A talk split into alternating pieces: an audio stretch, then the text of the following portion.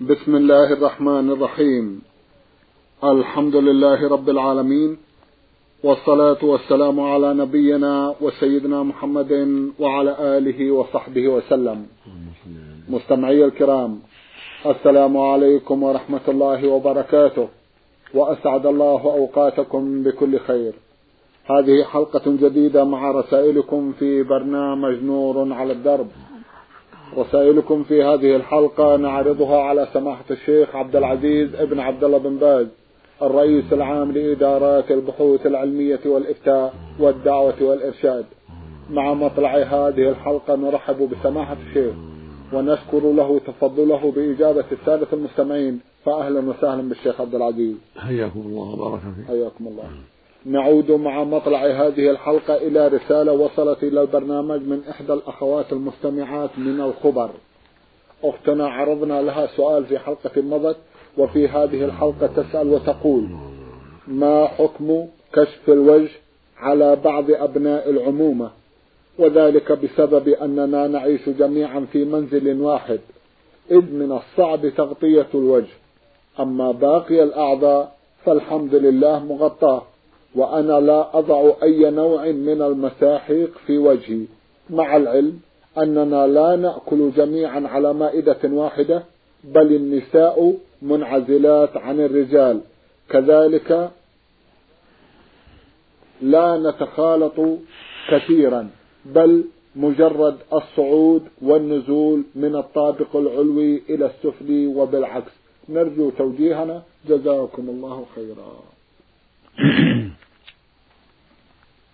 بسم الله الرحمن الرحيم. الحمد لله وصلى الله وسلم على رسول الله وعلى آله وأصحابه ومن اهتدى بهداه. أما بعد فقد دلت الأدلة الشرعية من الكتاب والسنة على أن المرأة عورة.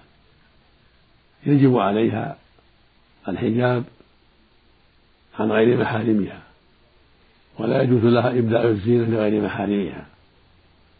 سواء كانوا من بني العم أو بني الخال أو من غيرهم. يجب الحجاب عنهم وإن كانوا أقرباء إذا لم يكونوا محارم. لقول الله جل وعلا في كتابه العظيم وإذا سألتموهن متاعا فاسألوهن من وراء حجاب. ذلكم أطهر لقلوبكم وقلوبهن. هذه الآية عامة تعم جميع النساء وإن كان الخطاب لأزواج النبي رضي الله عنهن وصلى الله عليه وسلم ولكن غيرهن من باب أولى. فإذا أمر أتقى النساء بذلك فغيرهن من باب أولى. ثم بين العلة التي تعم الجميع. قال ذلك أطهر لقلوبكم وقلوبهم فإذا كان أطهر لقلوب, لقلوب الصحابة وهم الأخيار خير هذه الأمة بعد الأنبياء وأطهر لقلوب الصحابيات من أمهات المؤمنين وغيرهن فغيرهن في حاجة إلى هذه الطهارة. بل في أشد الضرورة إلى هذه الطهارة. ويقول جل وعلا في آية أخرى في سورة النور ولا يبدين زينتهن إلا لبعولتهن أو آبائهن أو آباء بعولتهن أو إخوانهن أو بني إخوانهن أو بني أخواتهن أو نسائهن. آية. والزينة هي الزينة الظاهرة والباطنة. وأعظمها الزينة الخلقية زينة الوجه. والشعور والذراع واليد والساق والقدم ونحو ذلك. هذه الزينة التي تفتن الناس. أما زينة الملابس فقد تفتن لكنها دون هذه الأشياء. وإذا ظهرت إلى غير محارمها يكون عليها ملابس غير فاتنة. وهكذا في الأسواق تكون ملابس عادية ليس فيها فتنة. ولكن أعظم من ذلك ظهور الزينة الخلقية زينة الوجه أو اليد أو الشعور أو الساق أو الذراع أو قدم كل هذه تحتاج إلى ستر لأن الآية عامة. ولا يبدين زينتهن إلا لبعولتهن الآية. وفي الصحيحين عن عائشة رضي الله عنها أنها قالت رضي الله عنها لما سمعت صفوان يسترجع لما رآها في السفر حين تخلفت خلفها الغزو يحسبونها في الهودج. قالت فلما سمعت صوته خمرت وجهي. وكان قد رآنا قبل الحجاب كان قد رآني قبل الحجاب. فعرفني. فلما سمعت صوته خمرت وجهي.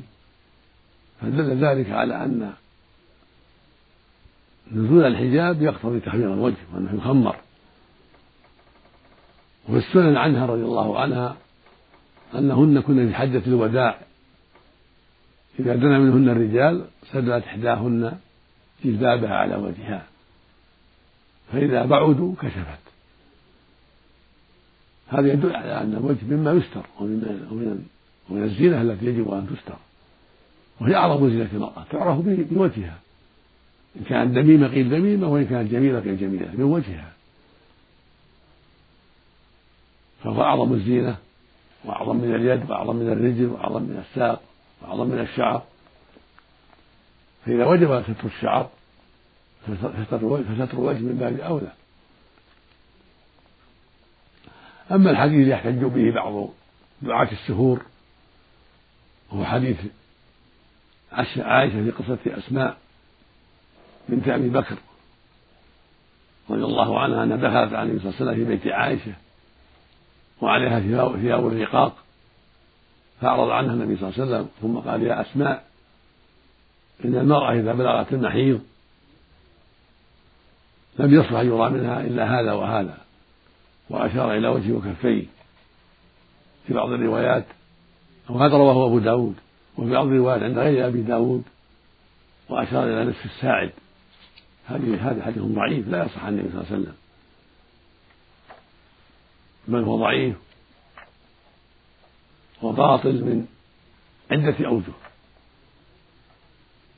الوجه الأول أن الراوي له عن خالد عن عائشة هو خالد بن دريك. وهو منقطع لم يسمع منها كما قال أبو داود رحمه الله وغيره. والمنقطع لا حجة فيه. الثاني أنه من رواية سعيد بن بشير وهو ضعيف لا يحتج بروايته. الثالث أنه من رواية قتادة بالعنعنة وقتادة مدلس ولا تقبل روايته إذا دلس إلا إذا صرح بالسماع إلا فيما جاء في الصحيحين. فروايته في الصحيحين معروفة ومنتقاة. الرابع لو صح لكان محمولا على حال النساء قبل الحجاب. لو صح لكان محمولا على حال النساء قبل الحجاب كنا يبدين وجوههن وأيديهن قبل نزول الحجاب ثم أنزل الله الحجاب فمنعنا من ذلك خامسا في متنه ما يدل على نكارته لأن الحديث أن عليها ثياب الرقاق أن عليها ثياب الرقاقة. فهل يليق بأسماء أن تدخل على النبي في ثياب الرقاق زوج أختها. وهي امرأة من أصلح النساء زوجة الزبير بن العوام. هذا لا يمكن أن يقع من أسماء بل دينها وخلقها وعفتها وإيمانها يمنعها من هذا. أن تدخل على النبي صلى الله عليه وسلم في ثياب لا تسترها. ولا يجوز أن يظن هذا بأسماء رضي الله عنها وأرضاها. فهذه وجوه خمسة كلها تدل على عدم صحة الاحتجاج بهذا الحديث. وتدل على أنه وتدل أربعة منها على عدم صحته وأنه غير صحيح. والخامس لو صح لكان محمولا على ما قبل الحجاب.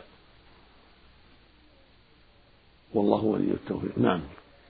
جزاكم الله خيرا. أخيرا تسأل أختنا وتقول ما حكم الذهاب للمسجد لحضور الندوات والمحاضرات إذا كانت المرأة حائضة وذلك للاستفادة من الدروس التي غالبا ما تكون قيمة. إذا كان لها مكان قرب المسجد تسمع منه عند المحراب أو في جانب المسجد أو في آخر المسجد تسمع فلا بأس. أما في داخل المسجد فلا. لأن النبي عليه السلام قال إني لا أحل الحائض لا أحل المسجد لا حائض ولا جنوب. وقال في حق الجنوب إلا عابر سبيل. وقال لعائشة لما أمرها أن تأتي بالخمرة من المسجد قالت إني حائض. قال إن خمرت إن حيضتك ليست في يدك. فأمرها أن تعبر تأخذ الخبرة الحصير من المسجد. أما الجلوس لا. أما المرور للجنوب والحائط فلا بأس. أما الجلوس لا. لكن إذا وجد مكان خارج المسجد تسمع منه. الدروس هذا لا بأس به. نعم. جزاكم الله خيرا. المستمع عين ميم ميم من الرياض يقول سبق وأن أخذت شاة مع ولدها وذلك قرب البلد أنا وبعض الزملاء وذلك له عشر سنوات. ما هو الواجب علينا الآن أن نتصرف؟ جزاكم الله خيرا. إذا كنت لم تعرفها ساعة كاملة في مجامع الناس من له الشاة وطفلها في كل شهر مرتين أو ثلاثة أو أكثر. إذا كنت ما فعلت هذا فعليك أن تصدق بقيمتها وقيمة ولدها بالنية عن مالكها مع التوبة إلى الله سبحانه وتعالى. تخرج قيمتها ذاك الوقت وقت أكلها وذبحها وتصدق بها على الفقراء والمساكين. وتنويها عن صاحبها وصاحب طفلها مع التوبة إلى الله والندم والعزم على ألا تعود إلى مثل هذا. لأن الواجب على من وجد لقطة يعرفها. كما قال النبي صلى الله عليه وسلم من آوى ضالة فهو ضال. ما لم يعرفها. فالضالة ما يكون من الحيوانات كالغنم فإذا لقطها الإنسان يعرفها سنة كاملة. فإن لم تعرف فهي له. ومتى عرفت بعد ذلك سلمها أو قيمتها لصاحبها أما الإبل فلا تلتقط بل تترك لأنها معها سقاؤها وحذاؤها. تريد الماء وتكون شرطة حتى يلقاها ربها وهكذا البقر. لأنها كذلك تمنع عن نفسها الذئب ونحوه أما الحيوان لا يمنع عن نفسه. كالخيل والحمر والبغال هذه تلتقط مثل الشاة وتعرف إذا وجدت في ضايعة تعرف من له الحمار من له البغل من له الخيل من له الشاة سنة كاملة. فإن لم تعرف ملكها ولكن متى عرف صاحبها بعد ذلك؟ ولو بعد السنة ردها إليه. نعم. جزاكم الله خيرا. المستمع ألف خاء من السودان بعث يسأل ويقول إذا رغبت في الزواج من امرأة فهل لي أن أستخير الله في شأنها في الحال؟ علما بأني سأؤخر هذا الزواج لعدة سنوات لعدم استطاعتي عليه حاليا لأني أريد أن أتقدم لهم ببعض الهدايا إلى حين أن أتقدم لزواجها. ثم ما هي كيفية انشراح الصدر التي وردت في شرح دعاء الاستخارة؟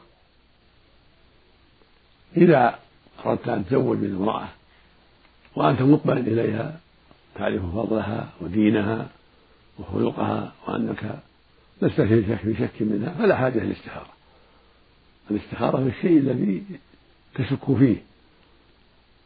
إذا كنت تشك في صلاحها لك تستخير الله.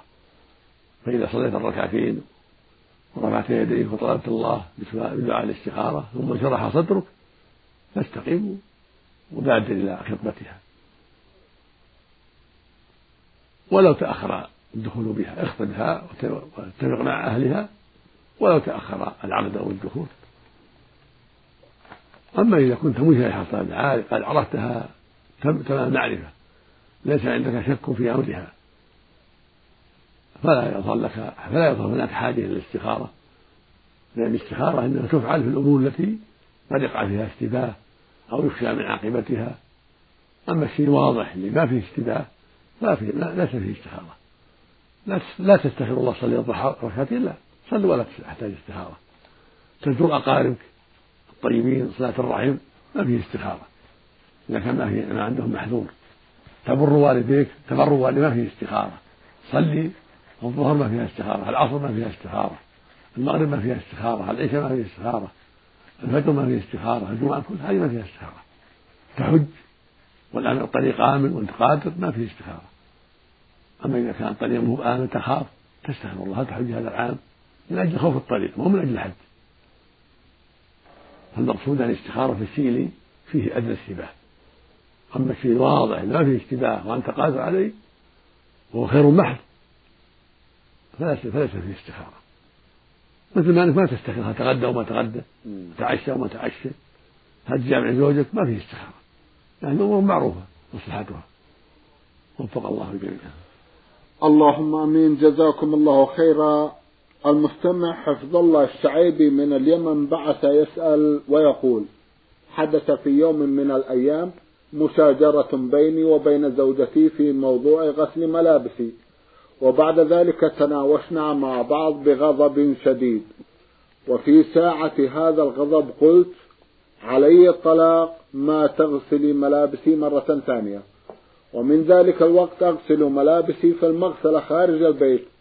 هل إذا أردت أن تغسل زوجتي ملابسي بعد اليمين لأنني محتاج لذلك هل إذا أردت أن تغسل ملابسي أن أتصرف بتصرف معين أرجو أن تفيدوني. جزاكم الله خيرا.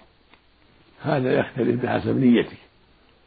وما كان ينبغي لك التعجل بالطلاق نصيحتي لكل زوج ألا يتعجل في الطلاق.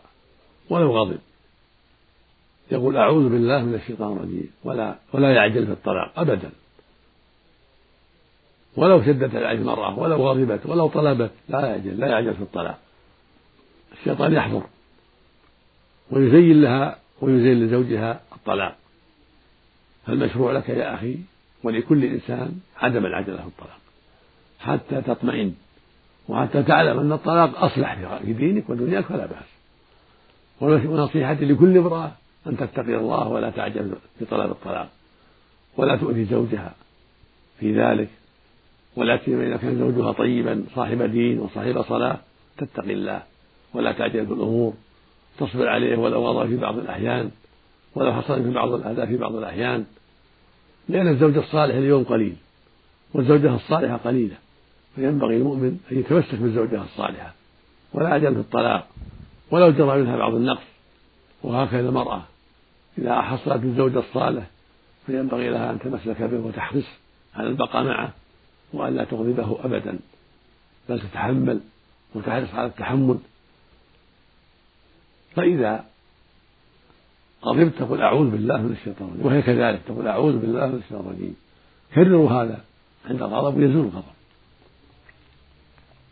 لما ذكر لما رأى النبي صلى الله عليه وسلم شخصا قد غضب واحمرت أوجاده أوداجه شدة الغضب. قال إني لأعلم كلمة لو قالها لذهب عنه ما يجد. لذهب عنه ما يجد. أعوذ بالله من الشيطان الرجيم. فأنت يا أخي كذلك. استعذ بالله من الشيطان الرجيم. وهذا الطلاق اللي وقع منك يختلف بحسب نيتك. إن كنت نويت منعه من غسلها الملابس بعد ذلك وأنك تستغني عنها وأردت تخويفها وتهديدها بهذا الطلاق فلك أن تسمع عنها وتكفر عن يمينه لا حكم اليمين. إذا كنت قصدك منعها من الغسل غضبا عليها. ولم ترد فراقها إن غسلت غسلت ثيابك إنما أردت تهديدها بهذا والشرح عليها والغضب عليها ولم ترد فراقها بهذا لو غسلت. فهذا حكم حكم اليمين وعليك كفارة اليمين. وهي إطعام عشرة مساكين إطعام عشرة. كل واحد يعطى نصف الصاع تمر أو رز كيلو ونصف كل واحد. أو كسوة على قميص قميص أو عتق رقبة فمن عجز يصوم ثلاثة أيام. أما إن كنت أردت الطلاق أردت إيقاع الطلاق عليها إن غسلت إيقاع واحدة طلقة واحدة. إذا كنت أردت إيقاع الطلاق إن غسلت ثيابك فإنها إذا غسلتها يقع عليها طلقة واحدة وتراجعها تقول أشهد فلان وفلان يراجع زوجته شهد من طيبين من جيرانك أو أصحابك أنك مراجعها. هكذا السنة. إذا كان ما قبلها طلقتان إذا كنت ما طلقها قبلها طلقتين. أما إذا كان قبلها طلقتين ما إلا بعد الزوج لكن إذا كنت ما طلقها ما طلقتها قبلها طلقتين وأنت أردت الطلاق إذا غسلت ثيابك تكون طلقة واحدة. وتراجعها بإشهاد اثنين تقول فلان أو فلان أن راجع زوجتي فلانة ما دمت في العدة. أما إن كنت ما أردت الطلاق مثل ما تقدم وإنما أردت منعها والغضب عليها وتهديدها حتى لا تغسل ثيابك مرة أخرى من أجل غضبك ولم ترد إيقاع الطلاق ولا فراقها ولكن أردت المنع. فهذا حكم حكم اليمين. وعليه كفارة اليمين وهي إطعام عشرة مساكين غداء أو عشاء. أو تعطي كل واحد نصف الصاع كيلو ونصف كل واحد من التمر أو الحنطة أو غيرهما من قوت البلد. وفق الله الجميع. اللهم آمين. جزاكم الله خيرا. من الزلفي المستمع عبد الله الشمري بعث يسأل ويقول قرأت حديثا قيل إنه قدسي عن الرسول صلى الله عليه وسلم قال يقول الله تعالى أنا والإنس والجن في نبأ عظيم أخلق ويعبد غيري وأرزق ويشكر غيري. إذا كان هذا الحديث صحيح فاشرحوه لنا. جزاكم الله خيرا. هذا الحديث ليس بصحيح. وإنه من أخبار بني إسرائيل التي قال فيها النبي صلى الله عليه وسلم حدثوا عن بني إسرائيل ولا حرج. ولكن معناه صحيح فإن أكثر الخلق كفروا نعم الله ولم يعبدوه وحده بل عبدوا الشياطين وعبدوا الهوى وعبدوا الأصنام والقبور وغير ذلك.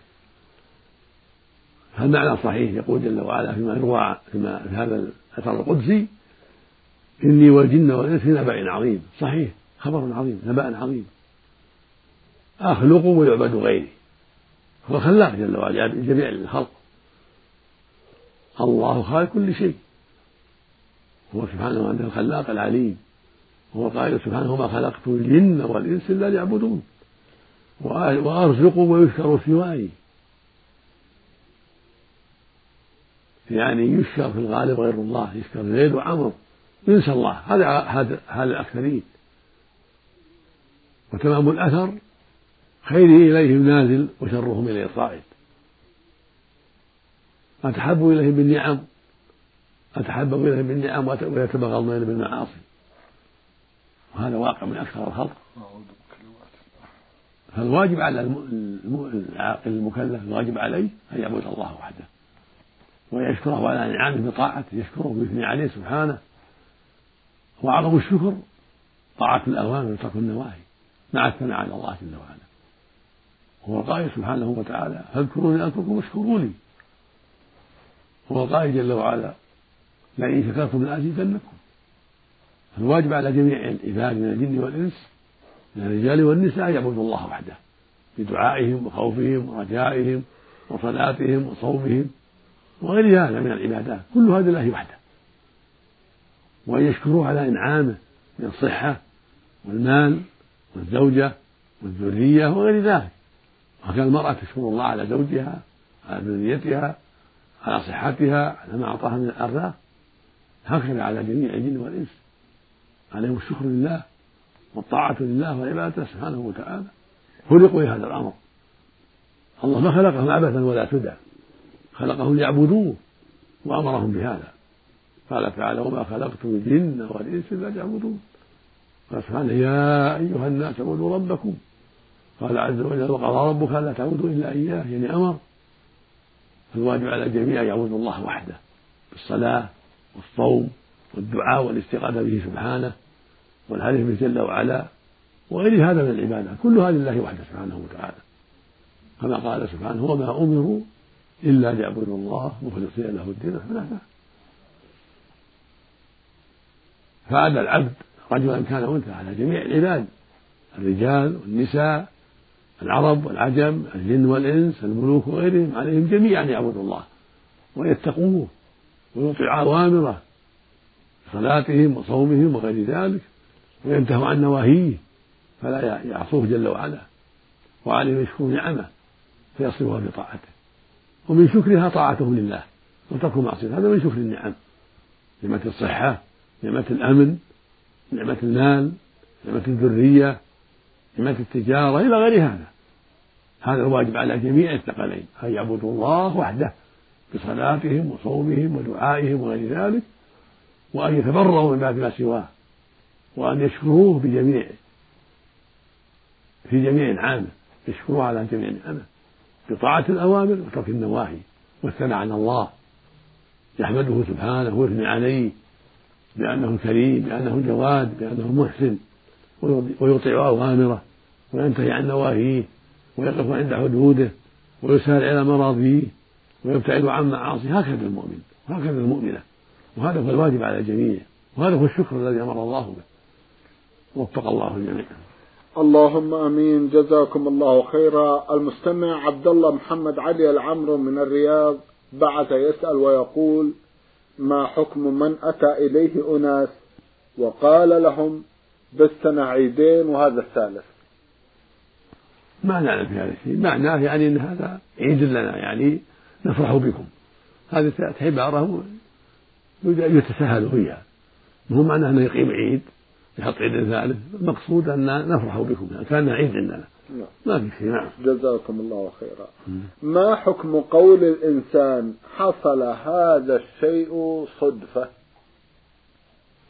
ليس فيه شيء لأن المرود المراد حصل من دون ميعاد الله. مثل وافق فلان في الطريق سلم عليه ما ما وعده. وافق عند إنسان زاره ففرح به ما ليس عن موعد الصدفة عن غير ميعاد. يعني حصل الشيء عن غير ميعاد بينه وبين زيد أو عمر أو فلان أو فلان. هذا معنى الصدفة يعني من غير ميعاد. نعم. جزاكم الله خيرا. المستمع المحتار كما وصف نفسه ميم سين حانون من منطقة تربة بعث يقول لدي مشكلة وهي الخجل من الناس. إنني لا أستطيع المجالسة معهم. ولا أستطيع مقابلتهم أدنى مقابلة وأنا أعيش في حالة رهيبة. أرجو أن توجهوني علما بأنني أصلي وأدعو الله كثيرا وعمري في الثامنة عشرة. عليك بارك الله فيك أن تسأل الله أن يزيل من قبلك هذه الأوهام أن يزيل من قلبك هذه الأوهام وهذه التوهمات وهذا الخجل تسأل ربك. أن يزيل هذا من قلبك وتجاهد نفسك في الجلوس مع زملائك ومع الإخوان ومع أهلك وأي شيء في هذا. هذا كله من الشيطان. هذا خجل من الشيطان. فتقول أعوذ بالله من الشيطان الرجيم وتعزم على نفسك في الجلوس مع الناس والتحدث مع الزملاء ومع الأهل والأقارب حتى يزول هذا في المساجد في حلقات العلم في البيت في التزاور مع إخوانك. جاهد نفسك. لأن هذا لا يليق بالرجل. بل هذا من الشيطان فينبغي لك أن تجاهد نفسك وأن تسأل الله جل وعلا أن يعينك على ذلك وأن يزيل من قلبك هذه الأوهام وهذا الخجل الذي لا وجه له. وأبشر بالخير. متى صدقت يسر الله أمرك. جزاكم الله خيرا. سماحة الشيخ في ختام هذا اللقاء أتوجه لكم بالشكر الجزيل بعد شكر الله سبحانه وتعالى على تفضلكم بإجابة السادة المستمعين. وآمل أن يتجدد اللقاء وأنتم على خير. نسأل الله ذلك. اللهم مستمعي الكرام كان لقاؤنا في هذه الحلقة مع سماحة الشيخ عبد العزيز ابن عبد الله بن باز الرئيس العام لإدارات البحوث العلمية والإفتاء والدعوة والإرشاد. شكرا لسماحته. وأنتم يا مستمعي الكرام شكرا لحسن متابعتكم. وإلى الملتقى. وسلام الله عليكم ورحمة وبركاته.